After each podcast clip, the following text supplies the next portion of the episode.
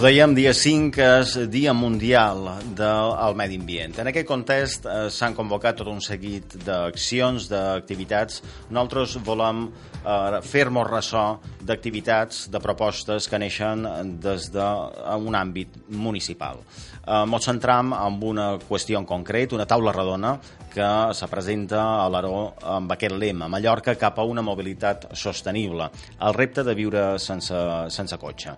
Eh, S'avancen el Dia Mundial del Medi Ambient, és una convocatòria que ens situa avui, dia 3 de juny, a partir de les 8 del vespre, al pati de l'Ajuntament de l'Aró. En aquesta taula hi intervindran en Jaume Mateu, ell és director general de Transports, també en Mercedes Garrido, consellera de Territori i Infraestructures, també en Leonardo Baldovino, secretari de la Fundació Ferrocaip, en qui parlarem d'aquí una estona, na Margalida Ramis, portaveu del GOP, i Naina Monà, ella és batlesa de, de l'Aró. Aquesta qüestió la volen comentar amb un representant municipal, ell és en Guillem Balboa i és, és regidor d'Urbanisme de l'Aró. Ja el podem saludar. Bon dia, Guillem, com està? Bon dia, David, molt bé. Guillem, aquí el que veiem és una iniciativa que neix d'una plataforma, Volem Via Verda, però uh -huh. que hi trobam un ajuntament que sembla que eh, hi conflueix. Quina, eh... quina implicació hi ha amb aquesta qüestió per part de... Eh, eh, bueno, primer, sembla no, i conflueix definitivament. No? Sí. Uh, pensa que és una, és una qüestió um, clau per, per pobles com el nostre, com l'Aró, perquè al cap i al fi del que estan parlant David? Sí, sí, sí, t'estic escoltant. Ah, perdona. No, eh, al cap i a la fi, fi fixa't que de lo que estan parlant, eh, parlam de, de, de com abordam, de fet, eh, a nivell local, eh, reptes que al cap i a la fi són, són globals, com ara uh -huh.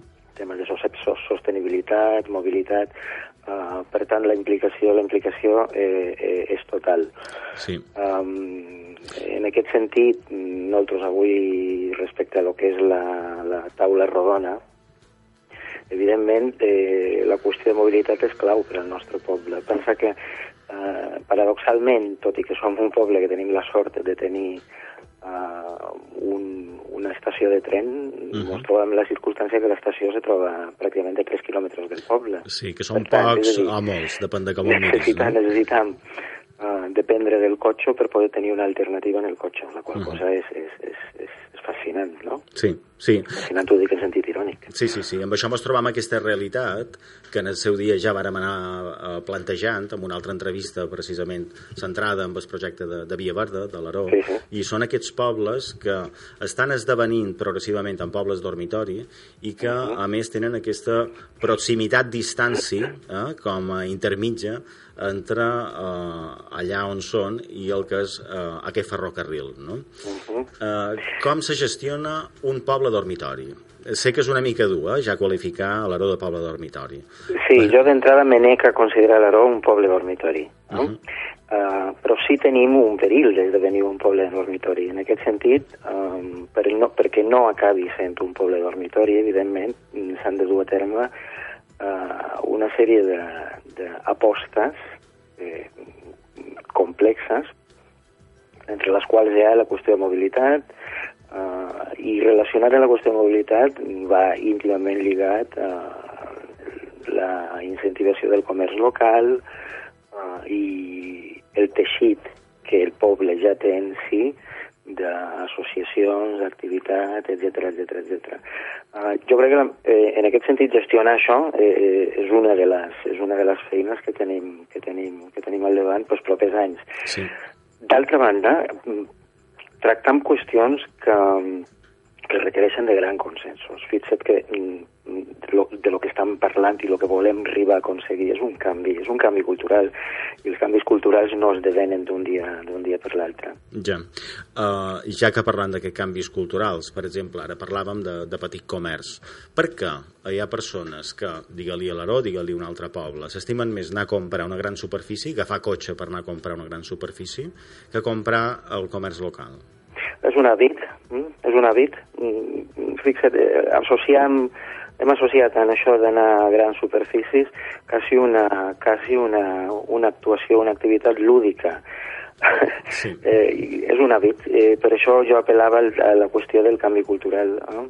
Necessitam eh, fer entendre que la millor garantia de, de, de, de pervivència de les nostres, tant del nostre entorn cultural com social, depèn moltíssim d'un determinat hàbit de, de consum, un determinat hàbit de consum que és un determinat hàbit de vida. Sí, sí. En tot això, el que tenim també són eines que poden ajudar en aquest canvi. Per exemple, targeta ciutadana de Palma, que ara uh -huh. ja beneficia també a residents, per exemple, a l'Aró. També hi ha altres localitats com, com Ariany, no? Exacte. Què suposa sí, això per... per Pensa que el, la gran, la immensa majoria de, del poble de l'Aró, eh, que tu dius que és un d'aquests pobles que té té una ubicació idíl·lica i en el mateix temps eh, està relativament a prop de Palma, que fa de foco d'atracció molt potent. Sí. La immensa majoria del poble de Palma fa feina fora, de, perdona, del poble de l'Aro fa feina fora del poble, la qual cosa necessita uh, desplaçar-se fora. El, el sí. transport. Aquest uh -huh. transport, aquest desplaçament se fa mm, bàsica i, i, i majoritàriament en, en, en cotxe. Uh, per això uh, l'estació juga un paper eh, fonamental. Clar, nosaltres que, que la reflexió quina és?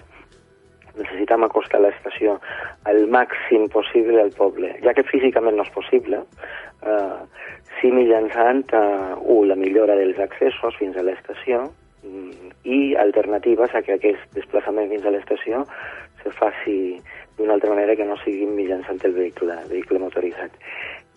I una vegada això, a més a més, com que la nostra part, la mm, gran part de la nostra població fa feina a Palma, ampliar aquest benefici eh, en la targeta ciutadana. És a dir, una vegada tu estàs dins Palma, continues disposant d'eines que te serveixen per seguir fomentant aquesta mobilitat alternativa que, que no sigui depenent de, de, de, de, dels vehicles. Sí. Crec que lo de la targeta ciutadana, eh, que ara, de moment, eh, té la bonificació de resident, a més d'un altre que, és, que es diu carnet verd, que és, no recordo el perfil, però és per, per gent en circumstàncies de, de viudetat, etc. té una bonificació extra. La nostra intenció a partir de, de setembre és ampliar-la una bonificació extra també per als estudiants de l'ARO que s'han de desplaçar dins, dins de Palma a, cap a altres, altres sí. en els seus llocs d'estudi. Ara tot d'una passarem a parlar amb Leonardo Baldovino, ell és secretari de, de la Fundació Ferrocaip i un dels eh, participants en aquesta taula rodona, però, Guillem, eh, sabem que un altre participant, Mercedes Garrido, consellera de Territori i Infraestructures, en el seu dia va dir que la via verda que es proposa entre l'Aró i l'estació de Consell eh, era impossible i en canvi ara pareix que eh, tot això es veu amb uns altres ulls.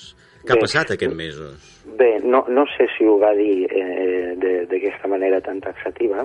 Mm? Uh -huh. uh, va dir que des del seu, uh, si no ho entenc malament, eh, si no vaig entendre malament, des del seu departament, en sí. concret, tu saps que aquí hi ha temes d'administracions que se solapen i, i, i i tenen responsabilitats diferents, que des del seu departament, i tal i com s'estava plantejant, en aquell moment ella ho veia impossible. Uh -huh. no? Uh, lo, que, lo que hem tingut és la sort de que uh, aquestes qüestions mm, se poden abordar des de diferent punt de vista, perquè un dels problemes que hi havia era l'encaix jurídic d'aquesta actuació. Val. Uh, afortunadament això sembla que va per molt bon camí, perquè s'aborda directament des de lo que és la, la idea és abordar-lo directament des de lo que és la, una modificació de la llei de transport. Per tant, ara ja no sabeu com impossible, eh? Oh, perdona? Ja no sabeu com un impossible. Ja no sabeu com un impossible, no. D'acord, no, no, no, no, Afortunadament per tots, eh? I de... eh pensa que és una alternativa molt vàlida eh, a, a, a lo que te plantejava anteriorment, que era la necessitat d'acostar l'estació eh, al poble amb, amb, amb alternatives que no siguin el vehicle motor i a més a més ens dona moltes altres possibilitats. Al cap i a la fi el que se trata, eh, perquè crec que és un dels futurs de l'Aro, és crear una, una gran xarxa eh, d'alternatives uh -huh. i que el que facin sigui promocionar una manera diferent de concebre tant la mobilitat com, com el que és la vida en el poble. Nosaltres tenim dos grans eixos. Un són els desplaçaments de la gent del poble cap a fora, però tenim un altre eix importantíssim, que és la pròpia mobilitat dins del poble. Dins del poble, clar. Sí, sí, sí. Eh, són aquests dos punts en els quals eh, estem treballant. I de, anirem seguint aquesta qüestió perquè, com comentàvem al principi de l'entrevista, comentava en Guillem Balboa, estan parlant d'una qüestió que poden mirar des d'una perspectiva local o municipal, però que en realitat ja eh, mos, mos convida a pensar en una xarxa de transport insular que sigui sostenible, una xarxa amb bones ramificacions i accessibles a altres tipus de transport que no siguin eh, el vehicle a motor. I de Guillem Balboa, moltes gràcies per aquesta estona. A tu, David, per convidar-me i mos veiem avui a baixa. Vinga, mos veurem en aquesta taula redona, clar que sí. Efectivament. Fins aviat, que vagi bé. Com dèiem, com dèiem, aquesta és una taula redona que ha organitzat Volant Via Verda. Estan parlant de una plataforma que ja vos varen presentar en el seu dia, varen parlar d'aquest projecte de Via Verda, precisament quan eh, encara planava aquella ombra de projecte impossible, sí, no, a damunt aquesta via verda que vol unir el poble amb l'estació de, de Consell. I ho comentàvem amb una persona que ja ens va acompanyar la primera vegada que varen plantejar aquesta qüestió. Ell és Leonardo Baldovino, és directiu de l'Associació Amics del Ferrocarril i una de les persones que avui serà en aquesta, en aquesta taula redona. Leonardo, bon dia, com està? Bon dia, David, com estàs? Ja no hi ha impossibles, per tant, no? Pareix ser que no. I, i se va ja ho sabíem, però que no. però se va manifestar en un moment donat per part d'alguna part de que sí, no? De que això no, no jo crec que no, que era, una, era una qüestió de, de prendre una decisió i anar fent una, una tasca completament diferent a un plantejament que ja tenim avorrit, que és el de encimentar Mallorca uh -huh. de cap a peus. Sí. I això, evidentment, eh, ha canviat completament. Aquesta, aquest model mos, eh, mos estan de cada vegada sensibilitzant més que no és el model que hem de cercar, uh -huh. perquè mos, mos acabarem menjant el fetge, no? Sí. Sí. En tot això hi ha una qüestió destacada. Estan parlant d'una taula redona, la d'avui, que organitza una plataforma ciutadana, però que ha aconseguit que hi siguin presents el director general de Transports i la consellera de Territori i Infraestructures. Eh, vos heu sabut moure molt bé i heu implicat uh, l'administració. Com s'ha fet això i quin efecte pot tenir? S'ha fet senzillament xerrant amb ells i trobant espais en comú per, per dialogar eh, tranquil·lament i és senzillament una qüestió de decisió política per una banda, però, però a més una decisió que cada un personalment ha de prendre. Uh -huh. Quan deim el cotxe contamina, no és el cotxe qui contamina. Qui contamina és qui condueix el cotxe. Qui l'arranca, eh? Evidentment. Sí. Uh, el, el, els alemans, que ara xerraves tu dels alemans, uh -huh. que estan trobant fórmules que fins fa mesos pareixen màgics, no? Sí. Fórmules per arribar a, a combatre a salvar la vida d'una sí, persona sí. que ara per ara la majoria consideren que està completament desnonat de la vida quan pateix una malaltia d'aquestes. Uh -huh. Els alemans tenen molt clar que, que han de reduir emissions de cotxes, han arribat a uns acords per l'any 2021 Anau alerta perquè tot això va engirgolat i va ser en revés de lo que vull explicar. Uh -huh. L'any 2021 els cotxes han de reduir a l'extrem unes emissions, no? Sí. Una altra història és el, els escàndols que hi ha darrere d'això, d'una empresa i l'altra, que no, no aconsegueixen mai que un cotxe faci via i no contamini. Ja i ja han, han sortit casos i casos, no? I ruïnes i ruïnes d'accionistes i econòmiques i tal. Uh -huh. La qüestió és que un, un grup d'estudis justament ferroviaris ha descobert que un tren amb locomotora de vapor dels anys 40 uh -huh. en relació als usuaris que té, que pot dur, els viatgers que té, cada viatger contamina manco amb un tren d'aquests en locomotora de vapor a carbó, evidentment, dels uh -huh. anys 40, que és protocol que s'ha proposat per 2021 i circulant en cotxe. Carai.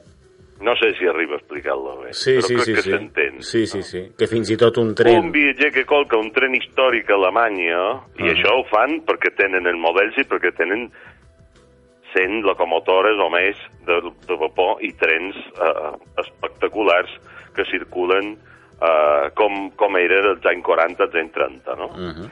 i locomotores que circulen a 80 i 100 per hora, que són locomotores de vapor ben potentes, no? Sí. I han fet els estudis amb els mitjans actuals per prendre emissions, per prendre gasos i sabent, a més, quina quantitat de, de viatgers té aquell tren, quina distància fa. Uh -huh. I han arribat en aquesta conclusió. Ja. No són improvisats, eh? no, no és gent que no, no fan una, una Sí, sí, sí. futurologia com les que veiem a vegades aquí en relació a eleccions i a qüestions estadístiques. No, no, no, són xifres científiques que te diuen que als anys 50 un viatger d'un tren de carbó feia una emissió menys contaminant que no el cotxe del 2021. No? Sí, sí, sí, No sí, xerrant sí, sí. d'avui en dia. Molt rellevant, eh? Ho és. Sí, sí, sí. és increïble. O sigui, quan arribes en aquestes xifres dius, ostres, tu, qualque cosa tenim entre mans quan xerram de ferrocarril. Uh -huh.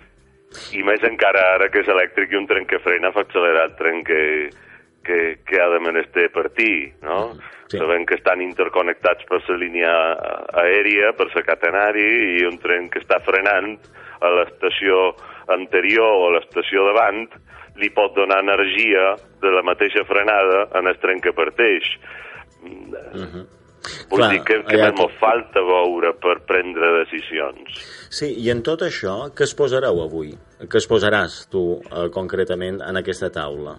Bé, jo crec que nosaltres com a plataforma eh, i, i jo en particular, de, a, xerrant del tema ferroviari i des d'Amics de Ferrocarril, és una qüestió de determinació de cara el territori i de cara en el mm, model de vida que volem tenir.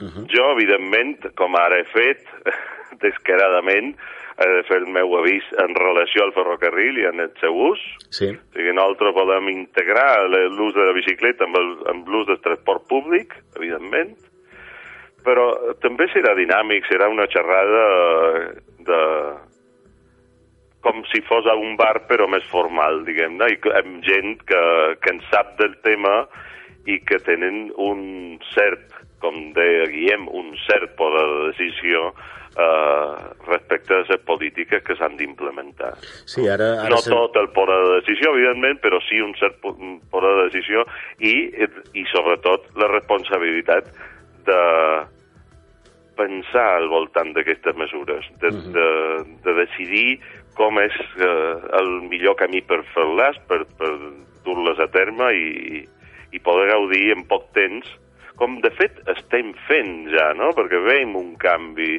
S'han, eh, bé, la carretera antiga ja té un, una, una part destinada, ja ha guanyat una part, ja veiem molt, molta més activitat en bicicleta i eh, afortunadament a l'Aró veiem eh, com el turisme de bicicleta comença a prendre una força eh, que no mos imaginàvem. Ventura fa 5 o, o, un poquet més d'anys. Sí. En tot això, una valoració. En, en aquest procés el podríem, el podem centrar en Valeró, però segur que el podem estendre a altres, a altres indrets. I sempre heu d'estar quan de- d'aquest tema. Això ha sortit de baix. Això és una plataforma cívica que ha pressionat eh, Ajuntament, Consell Insular i Govern. Eh, això és eh, allò que avui dia anomenen nova política, no? Una nova mm. manera d'incidir en canvis eh, per a la ciutadania. Com valores aquest fet? Supos que hi ha un sentiment d'orgull per part de- d'aquesta plataforma. Sí, però no mos hem tampoc de, de, de prendre una... Eh, com si fos un miracle, és al contrari, com tu deies, no? una nova política, eh, la considerem ara. Eh, Ara no mos hem d'oblidar que es tramvia de l'Aró, justament la plataforma diària, la plataforma que nosaltres volem recuperar per fer una, una connexió entre l'Aró Poble i, i l'estació de l'Heroi Consell, és una obra que va ser realitzada amb un sistema pràcticament de micromecenatge, podríem dir. Un micromecenatge que, va, que fins i tot eh, consistia en que si posaves dos bes tindries un, uns abonaments eh, de bitllets anuals per colcar en el tramvia. Uh -huh. O sigui, aquest sistema és el sistema normal de funcionament de la societat. Sí. Mm? Uh -huh. Sí, breument. Eh, el sí. mando i ordeno que, que tenim ja ficat dins la sang, perquè han tingut molt de període, no només el de el dels 40 anys, abans d'aquests darrers 40 anys, que ara pareix que no han servit, que no, que no han servit de res, però que, que, que sí que han estat fonamentals pel canvi social que, que, que ara tenim. Uh -huh. eh?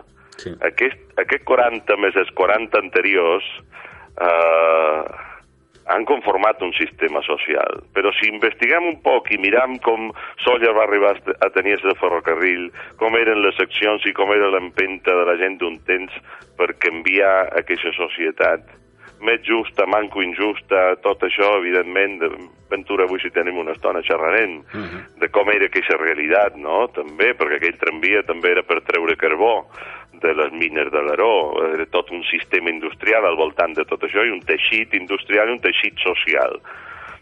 Més just, menys injust, evidentment que ho era, clar. Uh -huh. Sí. Però era un teixit social completament diferent en els que qüestions que ara apareixen una novitat, eh, com ara això, no? política participativa i de dir el poble participa per fer una obra en, en benefici de, de tota la societat d'aquell poble i al voltant d'una interconnexió entre empreses i tal, no era una, una novitat en aquell temps. Aquell ja. temps se feia i ja està. Posaven uns dobbers qualsevol veïnat anava allà i deia, bueno, jo, mira, tenc 500 pessetes, que tal, pum, ja sé aquí, ja la, ja la m'estornaràs, o un bitllet o allò que sigui. Sí. Sí. Leo, I... mos queden uh, pocs minuts, si pot ser uh -huh. amb un màxim de dos. Eh? Creus que avui, en aquesta taula redona, Jaume Mateu, director general de Transports, i Mercedes Garrido, consellera de Territori i Infraestructures, se comprometran a que la Via Verda sigui una realitat en breu?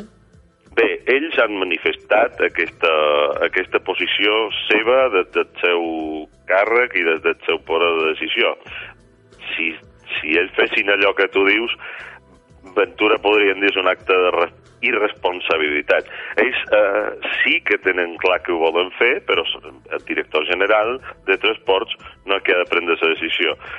Tenim més representants i, com dèiem també, tenim tot una, un teixit d'institucions governamental que han de prendre aquesta decisió. Ara bé, que anant ben encaminats, evidentment, i jo crec que ells mos diran que anant ben encaminats i que tot allò que ells puguin tirar endavant aquest projecte ho faran, com de fet estan fent amb altres projectes a Mallorca. La Via Verda de l'Aró no és l'únic projecte que hi ha al voltant d'aquest tipus de mobilitat, -huh. de recuperació, a més, de la xarxa ferroviària mallorquina, que era espectacular sigui, ara el cas de Llucmajor tenim també gent que està fent feina en aquest sentit per recuperar una part d'una línia que no, no s'havia de perdre mai, que era la línia de ferrocarril que anava a Son Sant Joan, uh -huh. i com uns animals la varen tancar l'any 1964, justament abans d'inaugurar l'aeroport, tanquen la línia de ferrocarril que anava a Son Sant Joan. Ja. Bé, ara volen recuperar una part d'aquell solar, de, de la línia del ferrocarril, amb unes obres de fàbrica, uns ponts espectaculars que ja podrem gaudir des de la bicicleta o a peu, afortunadament. Bé, això és una xarxa que està eh, de cada vegada agafant més, més empenta. Sí.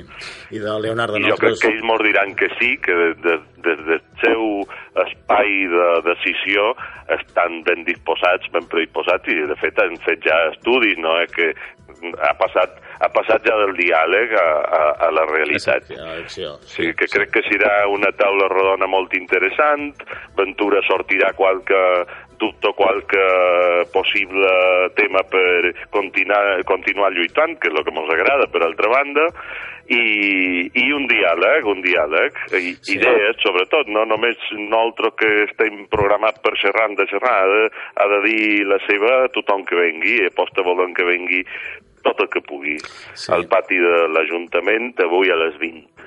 Ja ho sabeu, avui a les 8 del vespre eh, en el pati de, de l'Ajuntament de l'Aro. I del Leonardo Baldovino, moltes gràcies per aquesta estona. Ho seguirem. Moltes gràcies a tu, David, que sempre mos estàs ajudant amb aquesta amb aquesta reivindicació. Per això estem. Uh, una abraçada, Leonardo. Una abraçada, David. Molt bé. Fins aviat.